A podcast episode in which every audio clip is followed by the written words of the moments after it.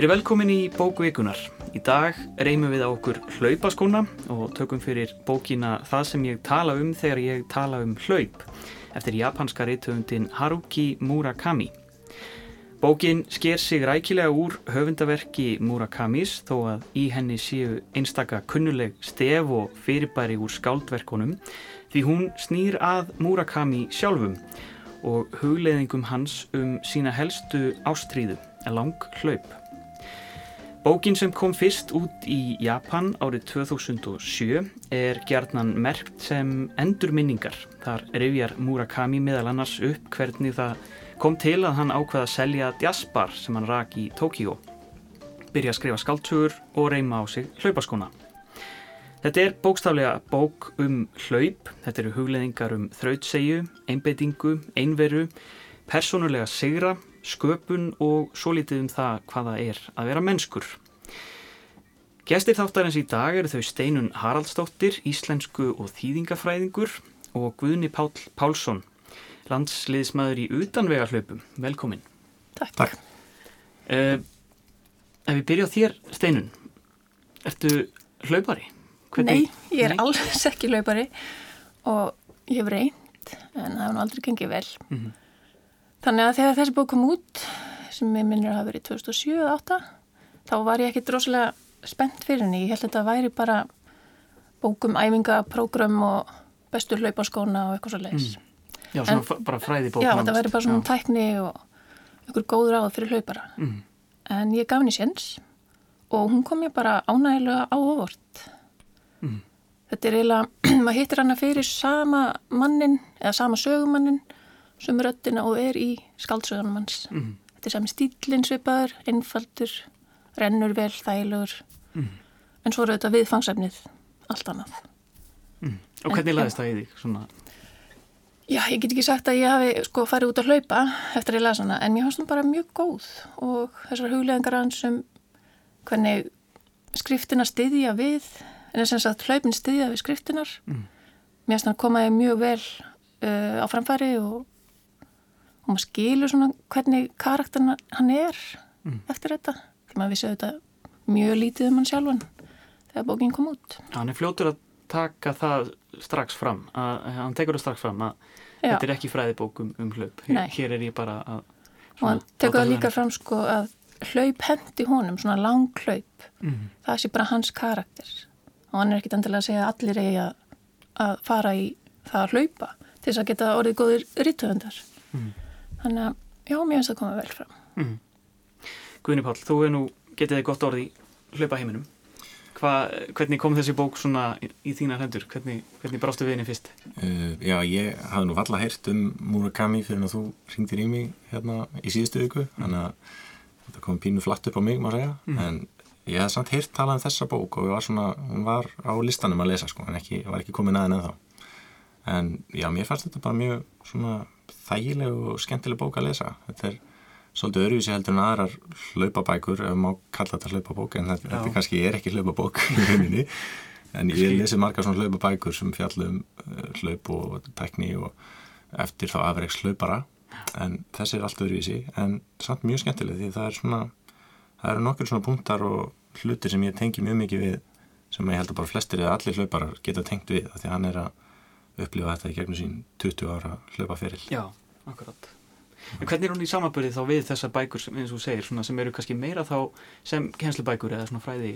Já, það er, alltaf, það er mjög mismunandi það eru til mjög mismunandi bækur um það sko en margar, mm. margar fara alveg djúft ofan í skilur mjölkusýru þröskuld og og hvað ótt að hlaupa hratt til þess að taka þessar þessar æfingar og, mm og hvað er að gerast í líkamannum þegar þú tekur svona æfingar og hitta þetta sko og aðrar bækur eru kannski meira um einhver afreg sem einhverjir svona, einhverjir afregsýtratumenn hafa unnið og einhverjir eins og ég er mikið í svona fjallarhlaupum og, og úlstrahlaupum eins og eru kallið mm.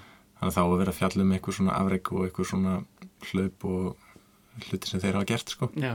þannig að það er svolítið öruvísi hvernig, hvernig er svona últrahlaup eh, hvernig er þau skilgreynd? Ja, últrahlaup er henni skilgreynd allt sem er lengra heldur en marathón marathón er 42,2 mm. km þannig að oftast er talað um svona stiðsta últrahlaupi er 50 km og mm.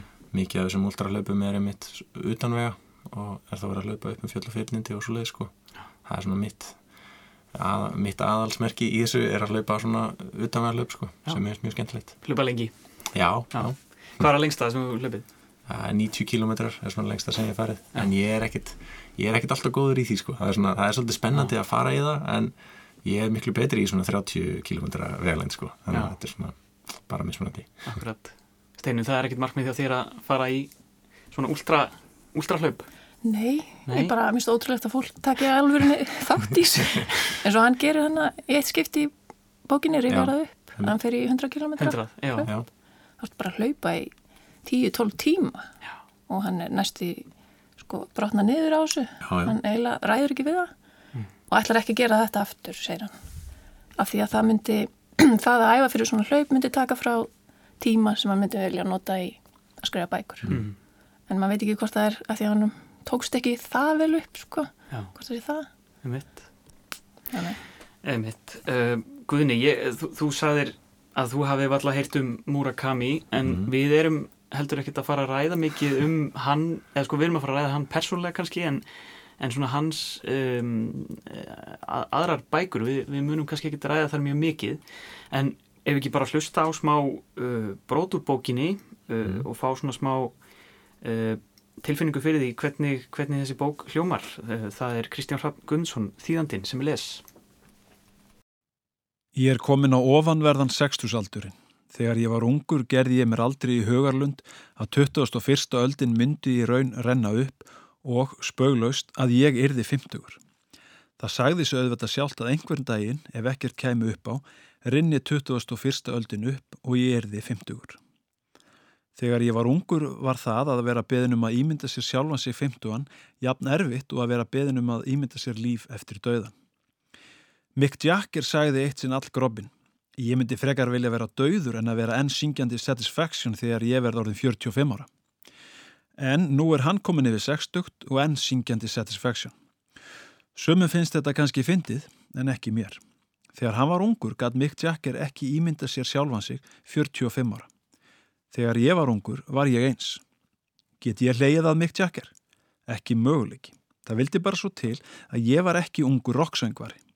Engin mann hvaða heimskulegu hluti ég hef mögulega sagt á þeim tíma svo að enginn fer að vitna í slík orð mín. Það er einu munurinn. Og hér er ég nú, lifandi lífi mínu í þessum óhugsandi heimi. Það er mjög einkennilegt og ég get ekki sagt með vissu hvort ég er heppin eða ekki.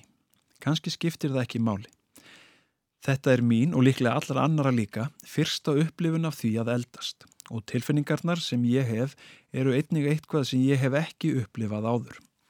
Ef þetta væri eitthvað sem ég hefði reynd áður, geti ég skilið þetta betur. En þetta er í fyrsta sinn, þannig að ég geta það ekki. Það eina sem ég get gert í byli er að sleppa því að fella einhverja ítarlega dóma og sætta mig við hlutina eins og þeir eru. Rétt eins og ég sætti mig við heiminin, skíin og ána. Og það er líka eitthvað eiliti komist við þetta allt saman. Eitthvað sem maður vill ekki hafna algjörlega. Líkt og ég nefndi áður er samkeppni við annað fólk, hvort sem er í daglegu lífi eða hvað vinnuna varðar, einfallega ekki svo lífstíl sem mér finnst eftirsóknarverður. Fyrirgefið mér þótt ég fullirði hefð augljósa, en heimurinn samastendur af allskins fólki. Annað fólk hefur sín eigin gildi til að lifa eftir og það sama á við um mig.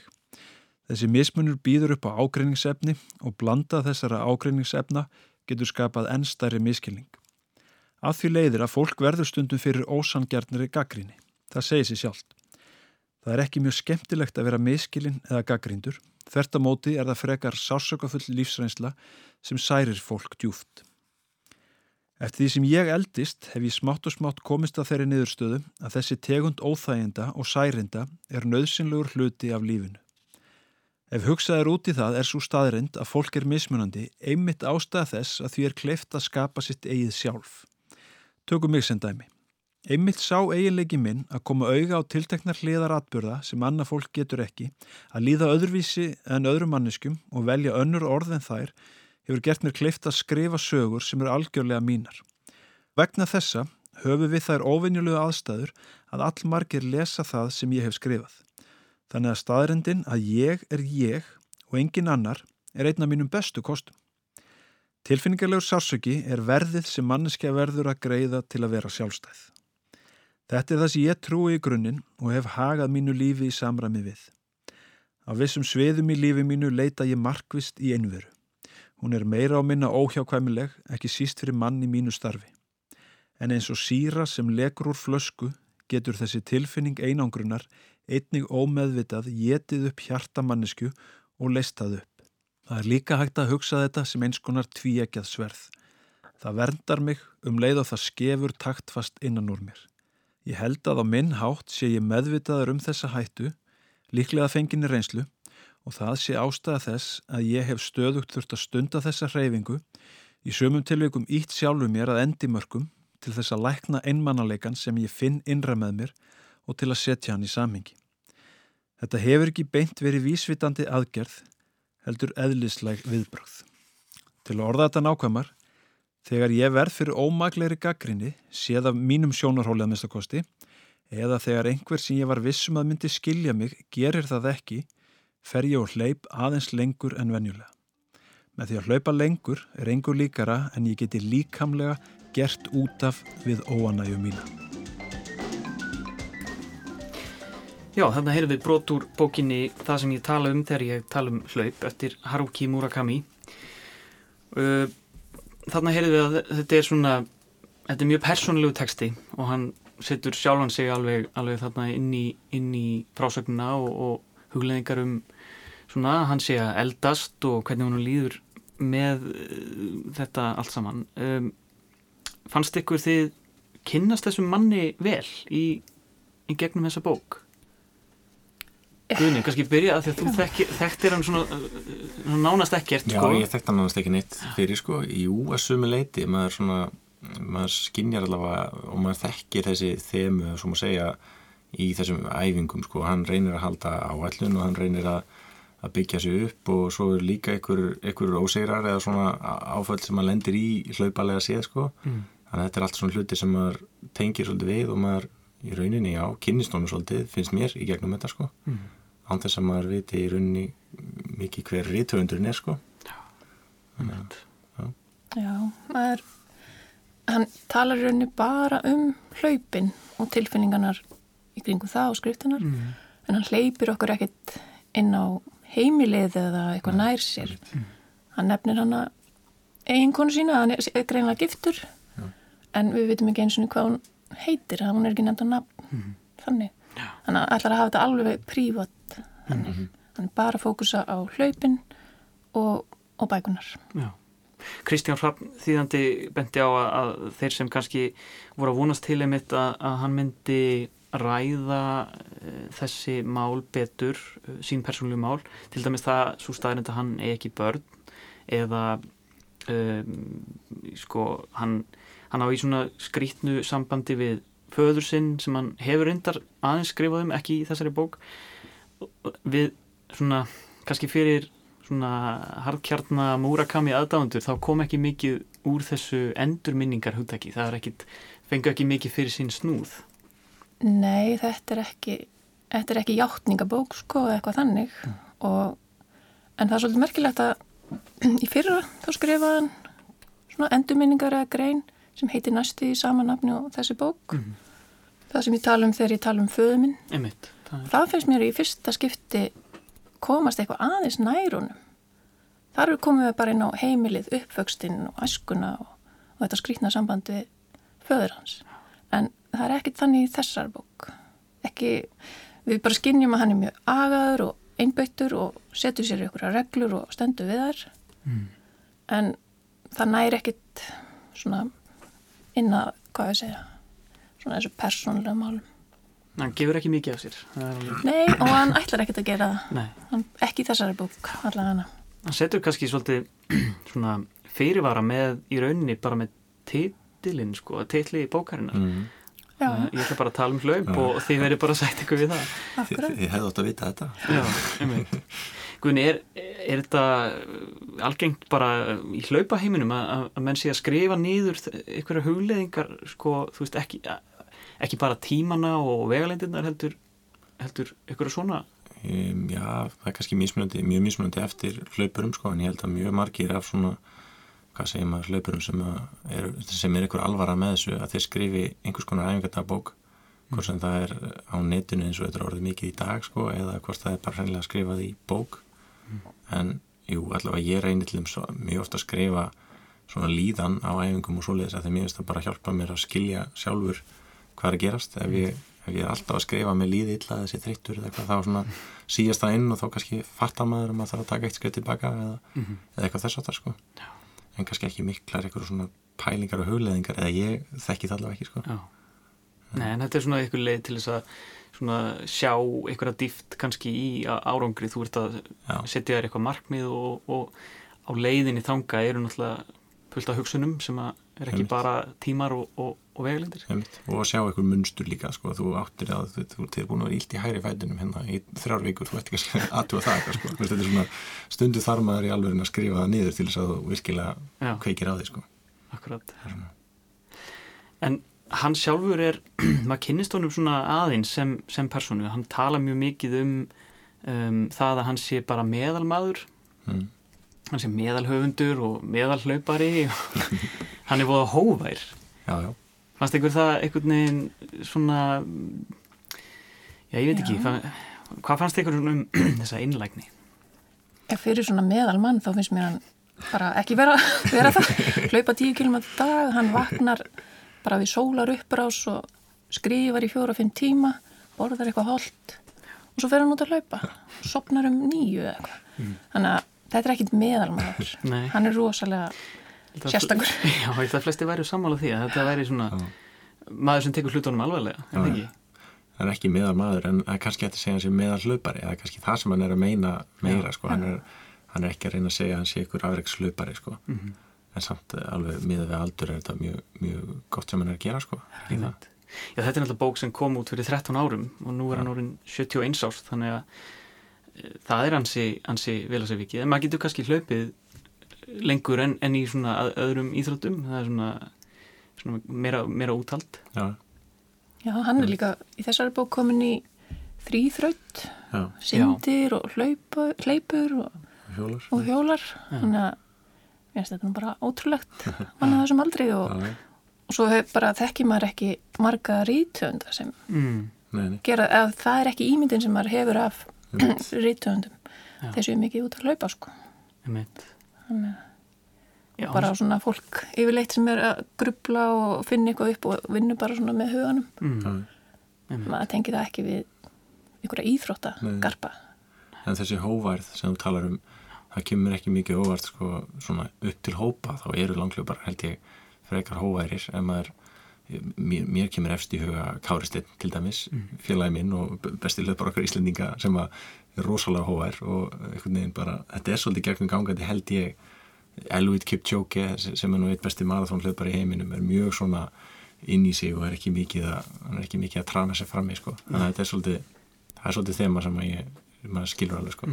Það lítur líka að vera svolítið innmannalegt einhvern veginn að hlaupa svona langt og lengi. Þú verður að vera tilbúin til þess að vera einn með sjálfur þér. Já, og líða vel með sjálf sig, hann talar einmitt um það og þetta er svona, já, það er dóttir líka ladrið að vera út að hlaupa í þrjá klukktíma og því líður illa með sjálf þér, þá, þá ertu svolítið vondumáli mm. Þetta hann er verðist eiginlega- vera meira þessu til að tæma hugan komast frá öðru og bara, já, vera einn og reyna helst að hugsa sem minnst. Já. Bara Þetta er eiginlega meira huglag íþrótt heldur en líkamleg. Svona Já, já, að því leiti, að, já. að miklu leiti að það og hann talar um að þetta sé svona hún finnst kannski svolítið óþólandi þessi spurning hvað hugsaru?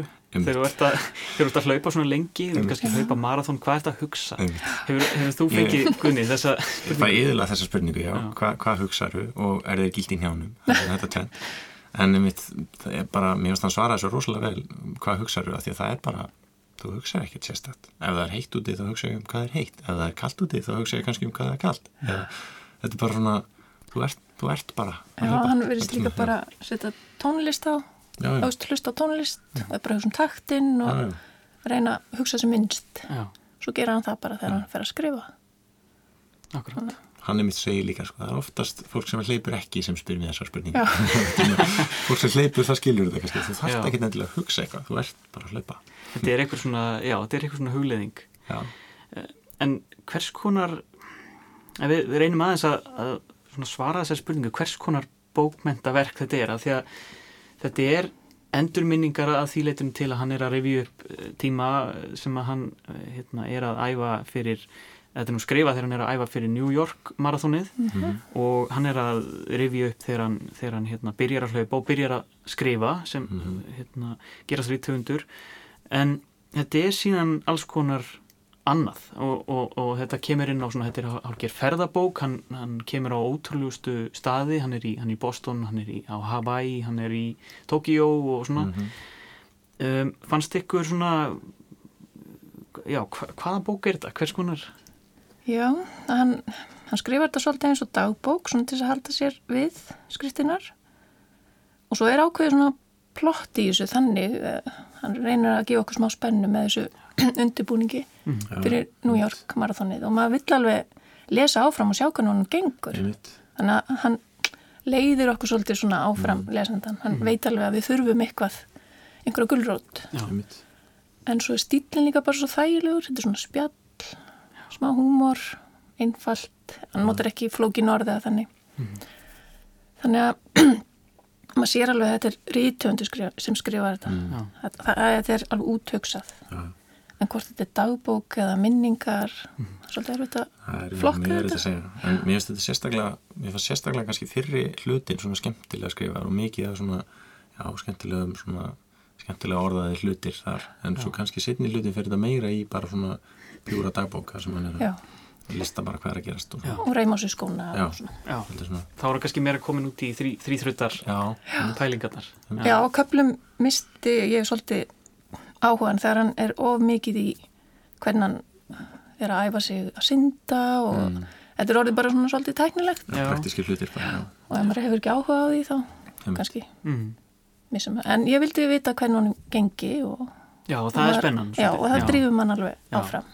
En svo er líka skemmtilega lýsingar á hlaupunum sjálfum, það sem að hann er svona að uh, peppa sig sj- sjálfur Já, áfram og, og hérna það er eins og kapli hérna, þú nefndir eh, upphafs eh, eða svona fyrir hlutan þar hann, þegar hann er að nefna sitt fyrsta marathón hljóp sko uh, upp, upprunalegu marathón leiðina nema öfugt frá, frá aðinu til marathón og þá er hann bara til til að nýbyrjar að hlaupa. Hann, Mm. Uh, það er 83 og hann byrjar að að hlaupa hann hvað árið fyrr, eitthvað svo leiðis og sákapli er svolítið kostilegur það er eiginlega svona er það ekki kaplinn sem var svona kannski Það er minnistæðastur myndi er ég minnistæðistur já, hann er mjög skemmtilegur Ég það sé hann alveg fyrir mér í hitanum, salt, storkin, sér ekki út úr augunum fyrir svita og, og hann verðist líka fara út í hlaupin svona bara af einhverju, bara kasta sér úti. Mm. Hann er ekkert eitthvað að lappa með ljó, ljósastöra eins og Nei, nei, talaður um.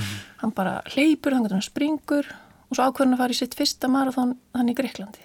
Og veist, heitasta tímanum og, og veit ekkert hvað hann er að fara, fara út í. Svo. Það er alveg magnaða kapli. það var skemmtilega lýsingar þar á sko, það sem er að fara í gegnum hausin á hann þegar kemur mótvindi og hann bara, "Á, hvað er það þessum vindi og hvað er það þessum hita og maður tengir svolítið við þetta líka að maður, já, maður getur alveg dottið í svart sín sko, mjög stutt í það ef, mm. ef illa gengur já, En hann, hún dettur aldrei í huga að gefast upp. nei, nei, Hann er búin að ákveða þetta og hann ætla bara að standa við það og klára þetta. einmitt Og hann er rosalega staðfastur. já, Hann svíkur ekki sínar einn Einmitt. reglur. einmitt sín einn markmið já, og það er hérna ljósmyndarar með honum sem að hann er að sagt, skrifa grein þar sem að hann er að lýsa þessu hlaupi og það eru ljósmyndarar með honum og þeir spyrja allir sko, allar, allar í alveg að hlaupa alla ekki. flestir sko gerir þetta bara fyrir hérna, fyrir já, Og Murakami er bara, hvað? Hvað? Gerir fólk það? já Bara hætti við. ég vil ekki lifi í þannig heimi að, að hérna, fólk sé svona, svona mikið fals einhvern veginn Já. Og maður veit ekki hvort þið er eitthvað japanst eða bara, eða bara hann. mér fannst þetta skrítið að heyra sko. maður hefur alltaf heyrt og lesið um alls konar svona afreggja mitt þar sem að maður trúir sannlega að það sé hlaupið alla leið og það er sé tekin tíminn og eitthvað svona Já. sko. en Svo er þetta kannski bara allt. Tónblekking. það er þetta að vita Einmitt. Guðni Björn, hvenar fórst þú þitt fyrsta heilmarathon? Já, það var nú, ég segi ofta að ég hljóp mitt fyrsta marathón áður en ég byrjaði að hlaupa. Þetta var uh, árið 2011 eða við mann rétt. Og það var nú bara svona byggt á mískilningi má segja sko. Ég var búin að vera bara í svona bumbubolta, í fóbolta og einhverju hinn að þessu sko. Og ákveð bara að skella mér í Reykjavík marathón. En það var, það var algjörlega mískilningu sko. ég stöðlaðist í marka á fjórum klukktímum og var alveg bara gjössanlega búin á því sko.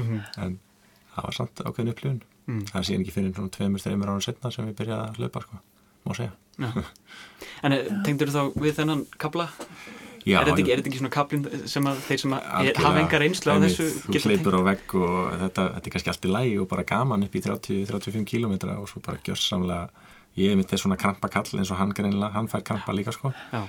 og það bara allt einhvern veginn stýpnar og þú bara kemst ekki úr spórunum og þetta er bara kvöl og pína sko á, á köflum. En klára samt. Já, já, við mitt er Við hefum það samveilegt, ég hef reynd að klára öll mjög löp líka sko, svona bara eins já, ég sama hvernig ástandi maður er orðin eiginlega mm. Er ekki ákveðin svona eh, ákveðin tímapunktar sem eru erfiðastir og svona mesti kannski hjallurinn að komast yfir? Jú, en það er enda líka svolítið skemmtilegt þegar hann hljóp þetta ultrahlaup sitt að þá, það er nefnilega eftir því sem þetta verður lengra hlaupið að það er ekkit endilega sko línulegt sko, þú, þú vestnar ekkit bara vestnar og vestnar, mm. heldur getur kannski komið að þið allt í hennu ferð að þú, þú fer að líða betur í miður hlaupinu og hann mm. upplýði það mitt hann mjög, orða þetta mjög vel, hann sagðist að komin í gegn. Á einhverju tímapunkti var hann bara komin í gegn og þá bara leðunum bara ágjörlega, hann var vissulega þreytur en hann held áfram. Þetta var þetta 100 km hlaup sem var í hann Lýsti í svona eins og einhverju svona hugleislu ástandi eða hann var bara komin í eitthvað són Þetta er mjög merkilegt, þegar fólk heldur og verður bara þreytar og þreytar og þreytar en það gerist þetta eru 12 klukkutímar eins og segir. Það gerist bara náttúrulega líka menn fer í gegnum einhverja söblur og eitthvað. Já. og svo nærður þeir bara að strika aftur sem er svolítið merkilegt. Já. Þú nú hlaupið svo gott sem þetta þessa vegalind, er, er þetta þá þú veist, líður eins og þú getur hlaupið bara í lífu, eða hvernig? Nei, það er mjög mismunandi sko, eftir í hvernig bara hvernig gengur og í hvernig ástandi sko, ef maður, ef maður er miklum hýta þá funkar ég ekki mjög vel sko, Já. en hérna heima hefur náða að hlaupa ágætislaup en já, maður dettur svolítið í eitthvað bara eitthvað takt og þú bara nærða að halda því og hættir bara svolítið að spá í þreytunni, auðvitað ertu þreytur og þeir eru ílt hér og þar en þetta bara svona þetta verður allt bara svona einhver eitthvað suð í, í bakgrunni og þú heldur bara áfram sko, þannig að það er svolítið svona já, sérstök upplifun. Mm. En það er, það er eitt við hlaup sem að uh, kannski fær fólk sérstaklega til þess að lesa þessa bóka því þannig er rítöfundur að skrifa um líkamsrækt mm. sem eru svona hlutir sem að tengir ekkert alltaf saman og það fyrsta sem ég hugsaði var hérna fyrir þá sem hafa séð Forrest Gump. Mhm. þegar að Forrest Gump uh, ríkur á stað og fyrir að hlaupa og hleypur bara uh, svo dögum skiptir og fólk einhvern veginn svona, uh, svona eldir hann uppi og myndar svona hóp í kringum hann. Og ég hugsaði einhvern veginn um þetta að fólk er svona sækjast í einhverja merkingu. En á, á meðan hann var bara að hlaupa til þess að hlaupa og fekk bara einhverja hugdettu. Og þá við kannski alltaf að leita einhverju merkingu þú veist í, í hlaupin. Er einhver svona, þú veist, eru við að, eru við að oftúlka hlaup eða? Ætli það ekki, þetta er svona og leggur svona mikinn tíma og þrek í þetta, það hlýtur að vera eitthvað meira á baku þetta, mm -hmm. ekki bara að hlaupa. Já, en svo hefur maður nú heyrt að þetta sé svona bara líkaminn, mann, þessi mannlegi líkaminn sé ekki bara gerður fyrir hlaup gerður fyrir langhlaup. Og þetta sé bara svona í okkur öllum þannig séð að hlaupa og hlaupa langt. Mm. Eins og þá eiga frummennir að hafa verið að eld upp í bráðin á sléttunum og, og þreytana hlupið kannski einhverja klukkutíma. Mm. en ég hef ekki alveg fundið þetta hjá sjálfur mér. En það er eitthvað sem fólk tengi við hlaup. Já, það sem við höfum kannski fram yfir þá dýrin sem vorum Já, að veiða já. að, að við gátum bara hlaupið miklu miklu lengur. Já. og miklu meira þól það er eitthvað að gera með hérna hvernig við svitnum og erum hárlaus og, og líkansbyggingun og eitthvað svona. þannig að þetta er, er náttúrulega mjög svona frumstætt í raunni þú þart eins og, og Murakami nefnir í bókinni að þú þart engar svakalega græjur.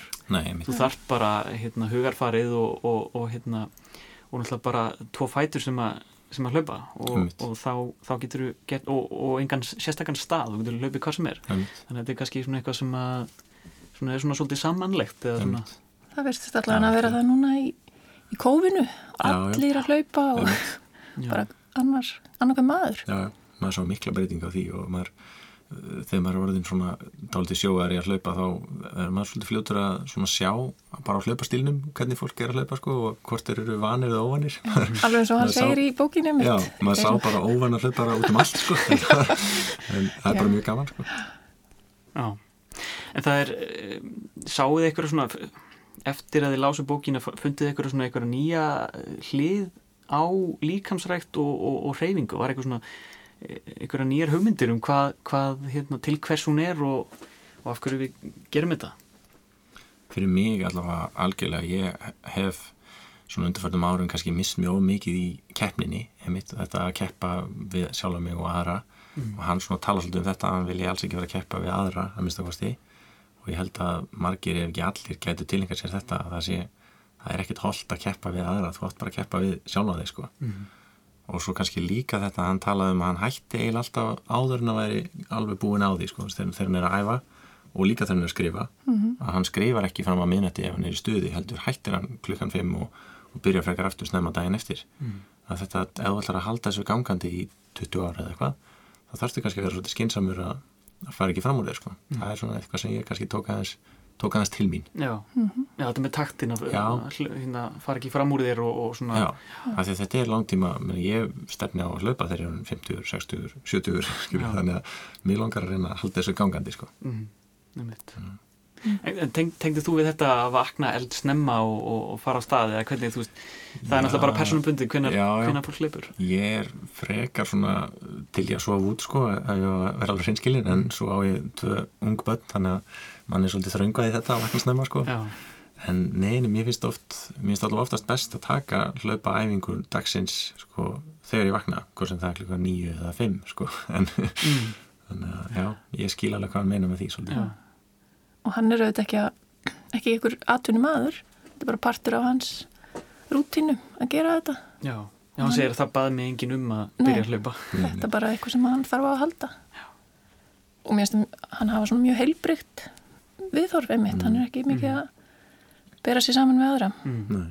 Sem er kannski það sem að svona, ef við erum að leita ykkur í leksju í þessari bók, mm. þá væri það kannski meira e, besta legsíðan að svona, svona tilenga sér eitthvað eitthva meðalhóf eða, eða þannig Já, akkurat, þetta það væri það væri mjög gott og þetta berur sér ekki saman þetta, það er náttúrulega alveg baneitra í nútíma samfélagi hvað hva allir berur sér mikið saman í gegnum samfélagsmiðla og, og allt saman sko. Mm. Ég held að Murakami sé ekkert með strafa sko. Nei, ég tekna á hann, ég, ég fann hann allavega ekki.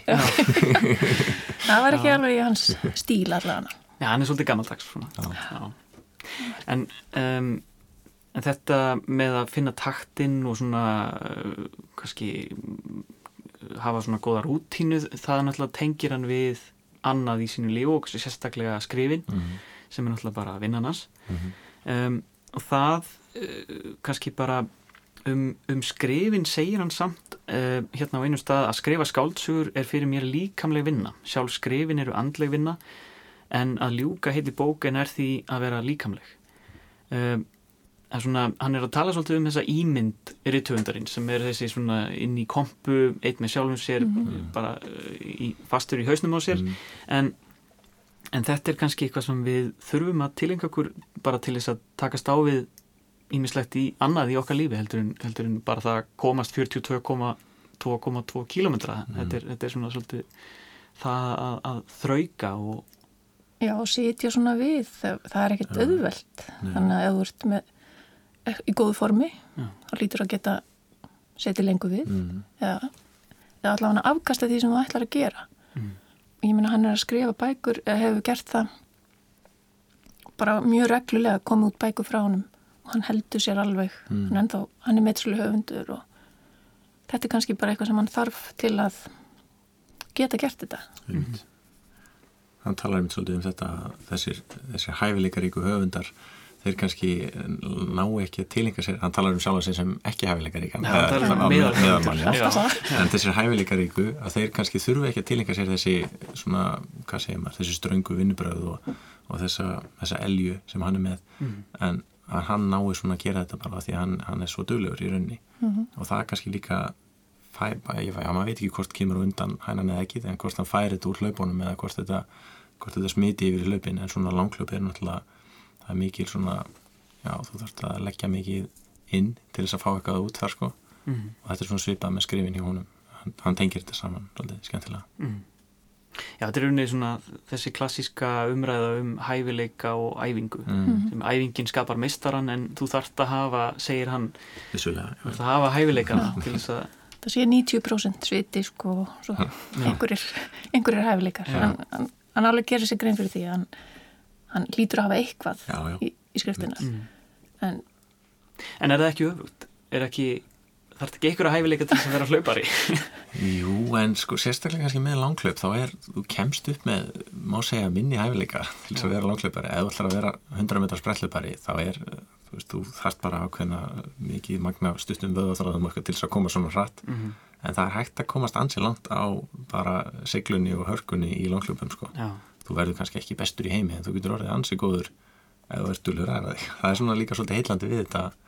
að þú þarft ekki endilega að vera fættur hlaupari sko. þú getur alveg Mm. komist ansi langt með Já. já, seglu Já, kannski meiri svona tækni atriði í, í sprettlipunum.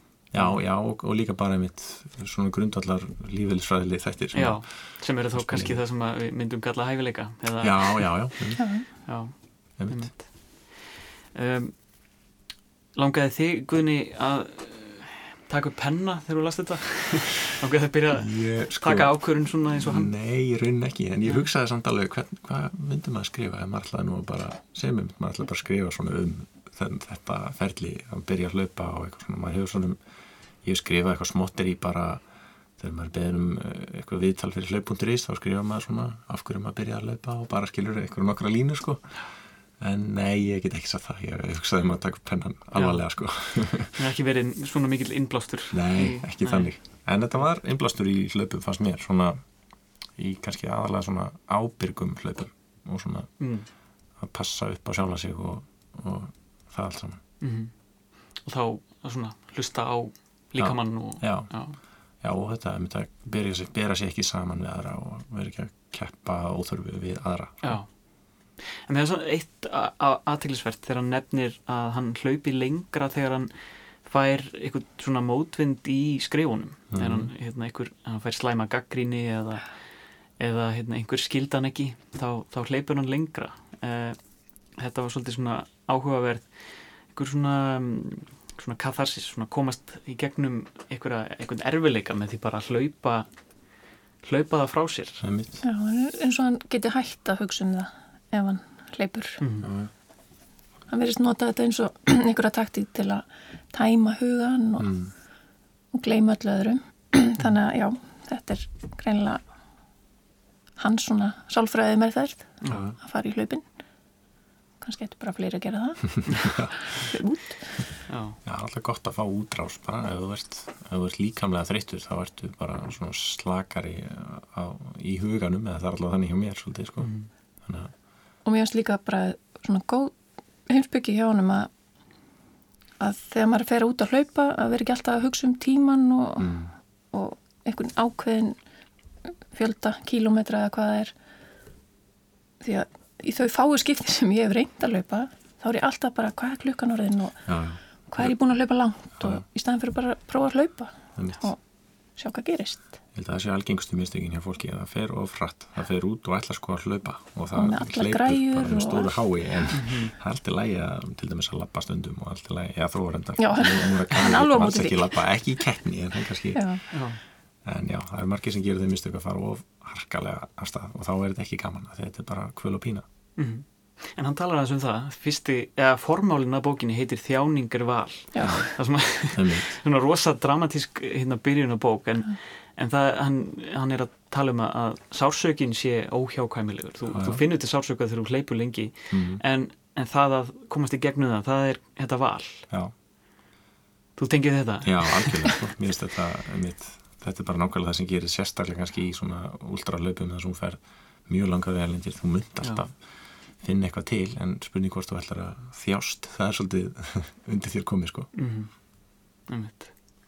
um, þessi bók kom út á íslensku 2016 uh, hve- hvernig haldið þið svona að íslenski lesendur taki í þennan texta? Af því að þetta er, hún er skrifið á japansku hún er þýttið á ennsku og svo er á íslensku. Um, og hlaupin einhvern veginn svona þetta uh, svona tungumál þvert á Mhm. hérna, þvert á menningar heima er, er eitthvað sem svona Íslendingar sérstaklega af því að við höfum þetta bölvaða veður sem við getum tekið út úr þess, þessum texta. Já, já. eitthvað sérstaklega? Já, mér finnst allavega svolítið skemmtilegt þegar hún nefnir veðrið, hann, hann nefnir sérstaklega að hann gæti ekki hlaupið þannig á tvo daga í júni eða, eða hvernig sem það var að því að það ringdi og ef maður myndi heimfæra það í Ísland þá myndir nú bara enginn hlaupa en jú, ég menna, ég held að margir svona hvort sem þeir eru að spá ég að hlaupa eða bara svona hinn almenni borgari mm. geta alveg haft mjög gafan að þessar bók sko, klálega Já, hann undurstryka það, veist, að hann sé meðalmaður en hlaupi samt og þetta ætti að mm. raunin að vera ekkit óyfastíðanlegt fyrir bara hvert sem er. Mm. Þannig að hann alveg, hann, hann er kannski ekkit að reyna að prétika fyrir okkur að fara út og hlaupa. Það er bara svona hlýðar bónus mm. ef það gerist. Mm. Mm. En mann, mér finnst ég alveg sjá það að þetta er fyrir alla. Man ætti bara að prófa það þurfi ekki að vera einhver afreiksmaður endilega. nei, En við bara hvetjum fólk til að kíkja á þennan texta á og hvort sem þau ætla að verða rítuhundar eða hlauparar þá, þá er þetta einhvern veginn bók sem að svona, já, höfða til allra og, og yngra. Þetta er svona Já, þetta er bæðið fyrir þá sem eru aðdándur hans og bara þeir sem hlaupa. Ég held að hann einhvern veginn næra ná þessum báðum hliðum. Já, mm. tengja þetta saman. Já, nefnitt mm. En ég held að tíminn sé bókstallega að hlaupa frá okkur. Okay. Við þurfum bara að stoppa hér. Steinun Haraldsdóttir og Guðinni Pál Pálsson, takk hjá fyrir komuna í þáttinn. Bókvíkunar verður þá ekki lengri að sinni. Takk fyrir að hlusta og verið sæl.